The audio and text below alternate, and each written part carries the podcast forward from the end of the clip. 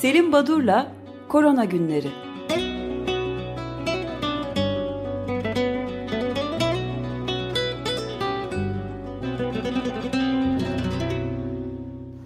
Günaydın Selim Badur merhabalar. Günaydın merhabalar. Günaydın. Günaydın, Günaydın Özdeş. Ee, efendim bir teşekkürle başlamak istiyorum. Ee, belirli bir süreden e, beri e, korona günlerini yapan ve bunu yapmaya başladıktan sonra e, Açık Radyo dinleyicilerinden bazılarından dönem dönem e, benim ulaşamadığım ilginç e, bilgileri e, gönderdiklerini kullanmam için e, alıyorum. E, tümüne teşekkür etmek istiyorum. Özellikle Sayın Bülent Becan bir açık radyo dinleyicisi. Kendisiyle bir Medyaskop e, programında e, bir arada olmuştuk. E, ikimiz de konuşmacıydık ve daha sonra e, haftanın belirli günlerinde düzenli olarak bazı bilgileri aktarıyor bana. Kendisine çok teşekkür etmek istiyorum buradan. Bugün 28 Temmuz, 28 Temmuz aynı zamanda ilginç bugün Dünya Sağlık Örgütü'nün pandemi ilan etmesinin üzerinden 6 ay geçti. 6. ayındayız. Aynı zamanda 28 Temmuz dünyada hepatit günü olarak kutlanmakta. Niye buna vurgu yaptım? Çünkü e, dün bir e, rapor yayınlandı. Impact of Pandemic on Global Health e, adında bir e, pandeminin e, küresel e, sağlık üzerine etkisi gibi e, bir genel değerlendirme yapılmış ve e, özellikle tüberküloz 2025'e dek tüberkülozdan e, 14 nokta, e, pardon 1.4 milyon insanın yaşamını yitireceği e, HIV AIDS'ten Afrika'da 2021 2020'de ek 638 bin kişinin yaşamını yitireceği. Yine aynı kıtada ve yine aynı dönemde 2020 yılı içinde sıtmadan 382 bin kişinin yaşamını yitireceği. Ana çocuk sağlığı e, açısından değerlendirme yapıldığında 12 ayda 2.3 milyon çocuk ve 113 bin anne adayının yaşamını yitirebileceği e, aşılar konusunda aksiyan aşılama hizmetleri sonucunda 80 milyon çocuğun e, aşı ile korunabilir hastalık riski altına gireceği, e, bulaşıcı olmayan hastalıklara baktığımız zaman kanser tedavisinin %42 ülkede aksayacağını, e, üreme sağlığı açısından 15 milyona yakın e, istenmeyen gebeliğin meydana geleceğini e, ve yoksulluk açısından da İkinci Dünya Savaşı'ndan sonra en ağır resesyonun e, gerçekleşeceği hesaplanmış. E, oldukça karamsar bir tabloyla e, programa başlamış olduk. E, bu e, bunun için özür dilerim ama e, bunlar da birer gerçek. Nitekim e, Science dergisinde dün Abdul Karim isimli bir araştırıcı ve çalışma arkadaşları Güney Afrika'da e, e, HIV, AIDS ve tüberküloz sorununun nasıl yürüdüğünü e, gösteren bir çalışmalarını yayınladılar. Hem e, tanıda kullanılan PCR testinin yapılmaması hem de hastanede başvurup tedavi ya da danışma hizmeti almamaları nedeniyle bu hizmetlerde yüzde 57 oranında bir azalma olduğunu, bunun da sonucunda HIV ve tüberkülozda demin belirttiğim bu sayısal değerlerle bir takım olumsuzluklar yaşanacağı bildirildi. Şimdi, ben de ufak bir şey bu 6. E, ayı dolayısıyla söylediğiniz e, Dünya Sağlık Örgütü'nden de Sağlık Örgütü Genel Direktörü e, Tedros Adhanom Ghebreyesus'tan bugüne kadar ilan edilen en ciddi tarihteki en ciddi küresel sağlık sorunu olduğunu açıklamış kendisi. Reuters'ın aktardığına göre 16 milyondan fazla insanda görülen Covid-19'un tarihte bugüne kadar yaşanan en büyük küresel sağlık sorunu olduğunu söylemiş ve tek yolunun sağlık tavsiyelerine uymak, kalabalığa girmemek ve maske takmak olduğunu söylemiş. Dünyada da baktığımızda şu anda 16 milyon 700 e, bine e, varmakta olan günde de 225 ile 250 bin arasında artış oluyor vaka sayısı ve 656 e, bini aşkın sayıda 660 bine e, doğru yaklaşan da ölüm sayısı var. Günde de 4000 4500 civarında ölüm artışı oluyor. Bunları da ben ekleyeyim dedim. Bunlar Covid-19 nedeniyle e, e, yaşananlar direkt olarak o hastalığa bağlı olanlar ama bir de beni ürküten biraz önce tanımlamaya çalıştığım e, dolaylı yoldan farklı sağlık konularının, yoksulluk konularının etkilenmesi, ekonominin etkilenmesi burada öngörmediğimiz ya da şu an için e, çok kuramsal kalan e, çok çeşitli alanlarda olumsuzluklar yaşıyoruz ve yaşayacağız. E, bu ilginç ve e, bir diğer e, karamsar tablo. Şimdi alınan önlemlere baktığımız zaman e, bir süreden beri e, özellikle 1 Haziran'dan beri bu önlemleri hafifleten ya da kaldıran ülkeler tekrar bir takım e, önlemlere geri dönmeye başladılar. En ilginci ve ilk kez böyle bir şey okudum ben de. Belçika'da olup bitenler. Belki Özdeş görmüştür. Sosyal baloncuk projesine geçiyor Belçika. Her aile bir ay boyunca Ağustos ayının sonuna kadar e, sadece aile bireyleri dışında en fazla 5 kişiyle görüşebilecekler. Çok ilginç bir kısıtlama bu. Bütün aile fertleri e, ancak 5 kişi, aynı 5 kişiyle yakın görüşebileceklermiş. Bu ne demek olduğunu çok merak ettim ve öğrenmeye çalıştım. E, kısaca sosyal mesafeye çok dikkat etmeden ve maskesiz temas edeceği yani bir evin içinde oturup da sohbet edebileceği, yemek yiyebileceği kişilerin sayısı her ailede 5 kişiyi geçmeyecekmiş ve aynı kişiler olacakmış. İlginç bir yaklaşım. Tabii Belçika gibi e, göreceli olarak küçük bir ülkede bunu denetlemek, kontrol etmek herhalde daha kolay ama e, büyük e, nüfusu daha kalabalık olan ülkelerde e, geniş alana yayılan ülkelerde böyle bir şeyin pek mümkün olacağını düşünemiyorum. Belçika aynı zamanda dükkanlara girişte her aileden bir kişi girebilecek ve e, evlilik törenleri de 10 kişiyle sınırlandırıldı. Yani Belçika e, tekrardan ciddi e, önlemlere geri dönüyor. Ama sadece Belçika değil. E, İngiltere örneğin e, farklı projeler geliştiriyor Avrupa ülkeleri. İngiltere obeziteyle mücadele planını başlatıyor. E, Covid-19'dan e, yaşam eğitimlerin önemli bir bölümünün obezite sorununu yaşadıkları saptandığı için Fas'ta büyük kentlere giriş çıkış tekrar durduruldu. Fransa yine Fransa'dan bir örnek büyük kuruluşlar çalışanları için e, maske stoklaması önerisinde bulunuldu hükümet tarafından. E, Suudi Arabistan e, haç mevsimi e, geliyor. Haç dönemi 29 Temmuz'da e, başlayacak. Geçen yıl e, 25 e, pardon 2,5 milyon hacı adayını ağırlamıştı Suudi Arabistan. Bu sene ne kadar? 10 bin. Yani 2,5 milyondan 10 bin e, hacı adayına düşüyor e, bu e, dini ritüel. Suudi Arabistan'da kısıtlama var.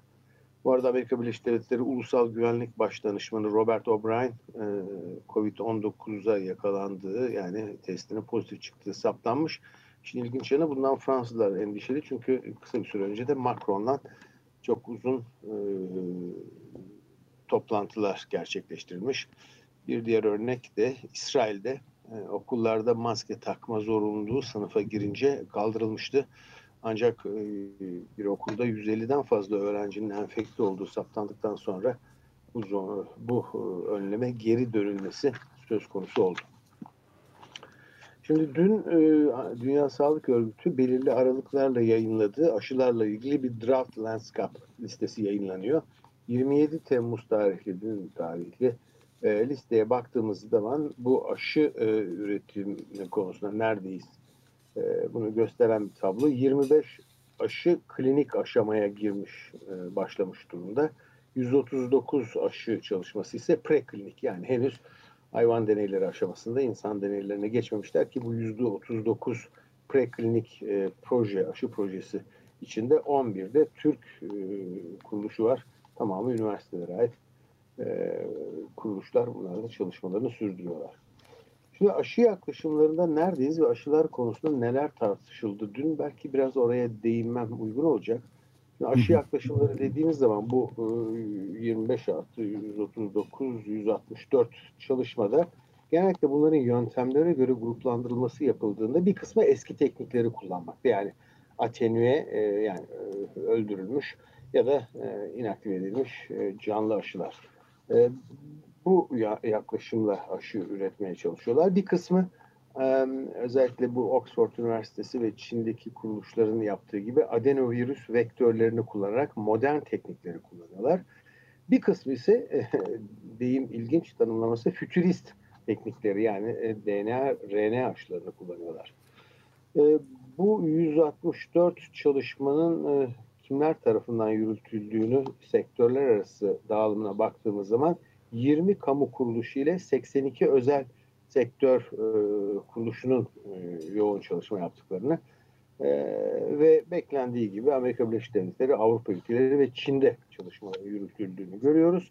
Ama Çin en önde. Neden Çin en önde? Bunlardan e, söylüyorum. Çünkü faz 3 çalışması dediğimiz yani e, 10 bin kişinin üzerinde 10 bin, 20 bin, 30 bin kişiler geniş bir kitle üzerinde e, etkinlik çalışması, aşı etkili mi olacak çalışmasını geçen ilk firma, ilk kuruluş e, Çin'deki Sinovac e, kendileri Brezilyalı Butantan e, firmasıyla işbirliği yaparak bir çalışma yaptılar. 6 Temmuz'da bunu ilan ettiler.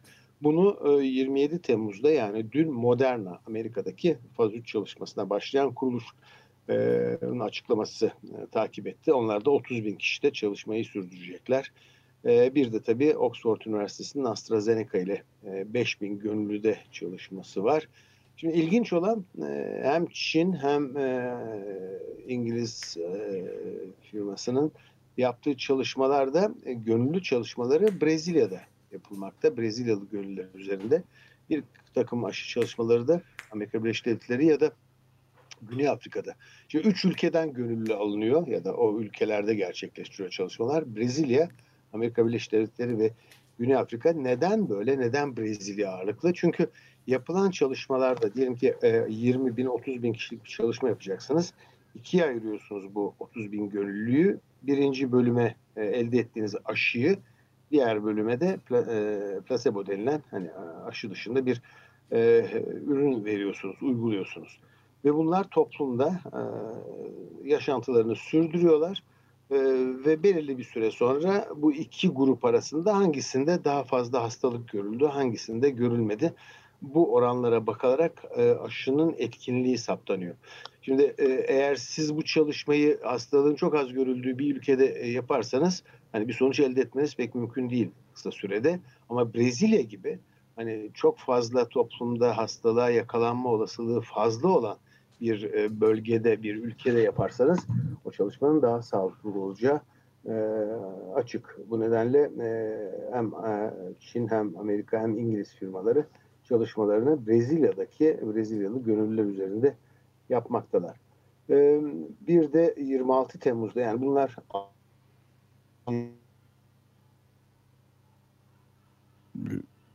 bağlantı problemi oldu galiba.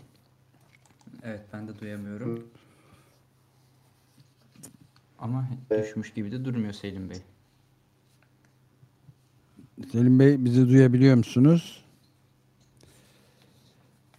Evet, biz de duymadı varsayımıyla yani bağlantının yeniden kurulabileceği varsayımıyla birazcık devam edelim. Ee, ee, ben geldim. Ee, ah, geldiniz. 26 Temmuz'da da e, Amerika Birleşik Devletleri'ndeki Moderna 1 milyar dolarlık yardım aldı Amerika Birleşik Devletleri'nden. Ee, daha önce de Alman ve Amerikan e, BioNTech firması Pfizer'le işbirliği yapan ona da 1.95 milyar dolarlık e, yardım e, almıştı. Şimdi burada önemli olan bu paralardan bahsederken e, en çok konuşulan konu nedir? Her ülkeye, herkese adil bir aşı dağıtımı yapılacak, nasıl yapılacak, aman soğuk zincir mi olsun, nasıl ulaşacağız deniyor. Bu konuşulsa da çok kuramsal kalıyor bu konuşmalar. Çünkü ülkelerin önceliği kendi toplumlarına e, aşı, yön, e, yönelik e, bir aşı talebi ve parası olanların şimdiden sipariş verdiği görülüyor. Örneğin Sanofi firması Avrupa ülkeleri için 300 milyon doz aşıyı hazırlamakta olduğunu, AstraZeneca'da e, Almanya, Fransa, İtalya ve Hollanda ile e, kontrat imzaladığını söylüyor. Yani teorik olarak evet herkese eşit dağıtılsın, nasıl dağıtılsın planları yapılırken e, pratikte bu iş pek öyle yürümüyor. E, Amerika Birleşik Devletleri örneğin e, warp speed e, yani ışık hızından da hızlı bir e, strateji uygulayacağını açıkladı. Kendi vatandaşlarına öncelikle e, öncelik verecek olan aşı üreticilerine destek olacağını söyledi. Bir diğer yaklaşım da ilginç aşı yapılanları takip edecek altyapıya, kapasiteye sahip olmayan ülkelere aşı verilmeli mi? sorusu e, ortaya atıldı. Bu da işin bir diğer e, dramatik yönü. Takibi derken? Yani aşı yaptınız. E, peki bunlar ne oluyor? Bir yan etkisi var mı? Bir etkinliği ne kadar? E, kim aşılandı? Bunların bir kayıtlarının tutulması lazım. Bu tür bir çalışmayı, bu tür bir e, e, ağı kurabilecek olan ülkelere sadece aşı sağla, sağlanması doğru olur. Aksi takdirde aşıyı hani heba etmeyelim gibi sesler de çıkmaya başladı. Evet yani parayı veren aşıyı yapar. Evet. Evet. Düdüğü çalardı eskiden artık aşıyı yapar. 20. yüzyılda. Evet öyle Şimdi bu çalışmalarda tabii gelişmiş ülkeler paraları olan ülkeler aşıyı sağlayacaklar. Onların da derdi bu anti aşı kampanyaları. Özellikle bu konuda ne yapacaklarını düşünüyorlar. Gayet popülist, gayet anti elitist yaklaşımlarla özellikle Amerika Birleşik Devletleri'nde e, bu çalışmalar, e, bu e, propagandalar ya da bu e, söylevler e, yaygın ve e, çok çaba sonucunda hem e, maddi manevi çabalar sonucunda e, sağlanacak aşıların e, hani COVID'de kullanılmazsa eğer o zaman ne olacağını kara kara düşünmekte yetkililer. E, bitirirken bir iki ufak nokta. E, Langford ve arkadaşları e, dün Clinical Microbiology and Infection dergisinde e, antibiyotiklerle e, COVID-19'un ilişkisini, antibiyotik kullanımı ile ilişkisini değerlendirdiler. 28 çalışmayı e, değerlendiren toplam 3448 COVID hastasında e, hastaneye başvuran COVID hastalarının %3,5'unda bakteri koenfeksiyonu, e, ama e, hastanede kaldıkları zaman da e, bu oran %15,5'a çıkıyormuş ve antibiyotik e, reçetelendirme oranı %71,3 imiş bir viral enfeksiyonda. Demek ki bakterilerin de işe karışıp durumu daha da ağırlaştırmasını engellemek için e, çok ciddi antibiyotik tüketilmekte. Ee, bir diğer gelişme tedavi açısında e, Tocilizumab isimli bir e, madde, bir molekül kullanılmaya başlandı. E, çeşitli ön klinik araştırmalarda. Bu bir interleukin 6 reseptör inhibitörü. Nedir bu? hep söylenmektedir. asıl sorun ya da tablonun ağırlaşmasında sitokin fırtınası adı verilen bir tablo ortaya çıkıyor. İşte bu sitokinlerden bir tanesi de interleukin 6 bu e, abartılı bir şekilde sentezlenen interleukin 6 olumsuzluğa yol açacak. Bunun reseptörünü inhibe eden ya da baskılayan, kapatan bir madde tosilizumab e, bu tedavide kullanılıyor. Bunun e, ön deneylerinin sonuçlarını yakında göreceğiz. E, bir diğer çalışma, e, bu da La JAMA'da yayınlandı. Dün e, Kathleen Frazier ve arkadaşları yayınladılar e, tükürük bezi ve e, orta kulakta virüsü izole ettiler SARS-CoV-2'yi. Hani e, artık e, vücudun e, hani SARS-CoV-2 bulunmayan bir bölgesi kalmadı galiba. Kulağın içinde de tükürük bezinde de e, bulunduğu e, ve saptandığı görülüyor. Yani e, diğer solunum yolu enfeksiyonu etkenlerinden çok farklı bir özelliği, en önemli, en önemli farklı özelliklerinden bir tanesi e, bu çoklu organ tutulmasına yol açan çok farklı bölgelere gitmesi. Son noktada aerosollerle ilgili bu havada asılı kalıyor mu, havadan bulaşıyor mu? Gittikçe evet. bu konuda e, net kanıtlar ortaya çıkıyor. E, iki yazı çıktı dün. E, birisi Joshua Santarpia isimli bir araştırıcı ve çalışma arkadaşları. Bunlar elektron mikroskobisi kullanaraktan çeşitli partiküller üzerinde ama e, işte 5 e, mikrometreye kadar 1, 4, 3 gibi farklı boyutlardaki partiküller üzerinde virüsün durumunu incelemişler. Birincisi bir mikrometrelik aerosoller içinde de replike olan yani çoğalabilen virüs partiküllerini, viryonları saptamışlar. İkincisi e, bunun e, hem Western blot adı verilen bir yöntem hem de elektron mikroskopisi analizleriyle e, oradaki virüs partiküllerinin bozulmadan kalabildiğini göstermişler. Ve bu nedenle de havadan COVID-19 bulaşının mümkün olduğunu iddia ediyorlar. E, son bir çalışmada aynı konuda Lancet Respiratory Medicine'de yayınlandı. E, kim yayınladı? Kevin Fennelly isimli bir araştırıcı ilk isim e, onun ekibi. Onlar da e, bu durumu yani aerosol havadan bulaşın ve havada asılı kalıp solunumla virüsün alınmasının illa birisinin sizin suratınıza öksürmesi ve damlacık değil havada da asılıp kalmasının artık gittikçe e, doğru olduğunu ve bilimsel olarak kabul gördüğünü söylüyorlar. Bu, bu durum tabii e, birçok konuyu beraberinde getirecek. Havada virüsün asılı kalmasının gerçekleştiği, bunun doğru olduğu kanıtlanmaya başlandı. Birçok e, kanıt ortaya çıkıyor. E, bu Salgının tabii, ilk haftalarında da bu iddia vardı. Hatta siz de e, ilk araştırmalardan bahsediyordunuz. Belli bir süre havada kalabildiği etkin bir şekilde söyleniyordu. Bunun zamanını unuttum. Hatırlatabilir misiniz? 8 saat 9 saat gibi bir şeyden söz ediliyordu ama belki o, değişim de vardır. 8-9 saat galiba yüzeylerdeydi e, ki canlılık e, süresiydi. Evet. Tabii işte onu söylerken de e, bu PCR yöntemiyle sadece virüsün bir bölgesini saptamak e, bu illa orada canlı bir virüs olduğunu göstermez. Bunu iyi ay- ayırmak lazım. E, aerosol ve havadan bulaş içinde böyle bir olasılıktan evet ilk günlerde, ilk haftalarda bahsediliyordu ama yavaş yavaş işte Temmuz'un ortasına geldik. Bilimsel olarak çalışmalarla da bu gösterilmeye başlandı.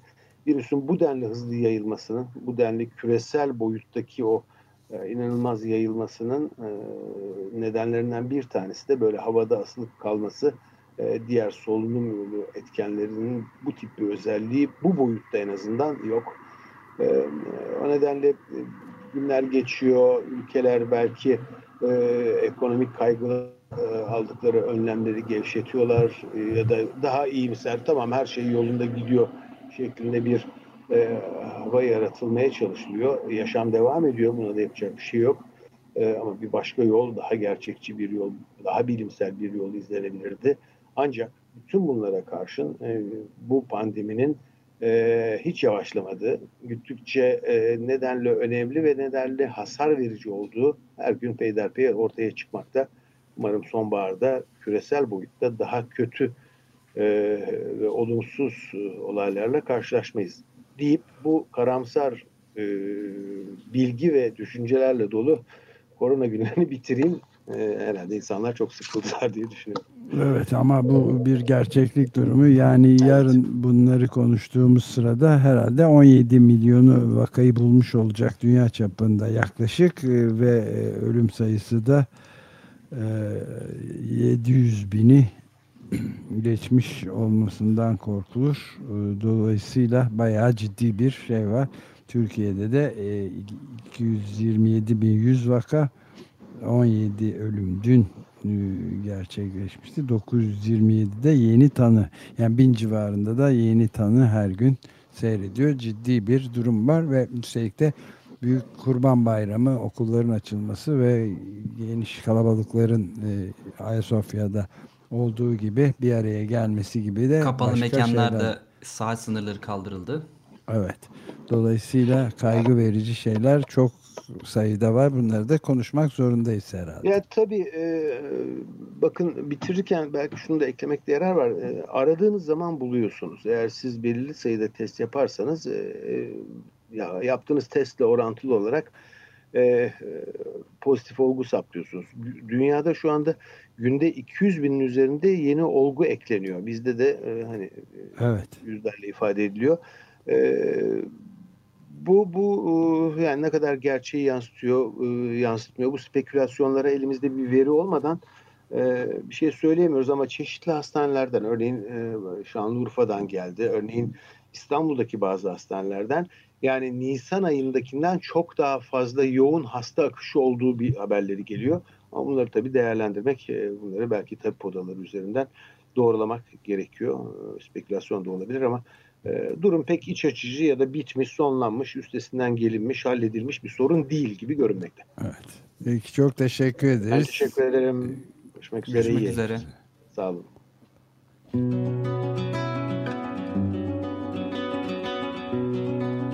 Selim Badur'la Korona Günleri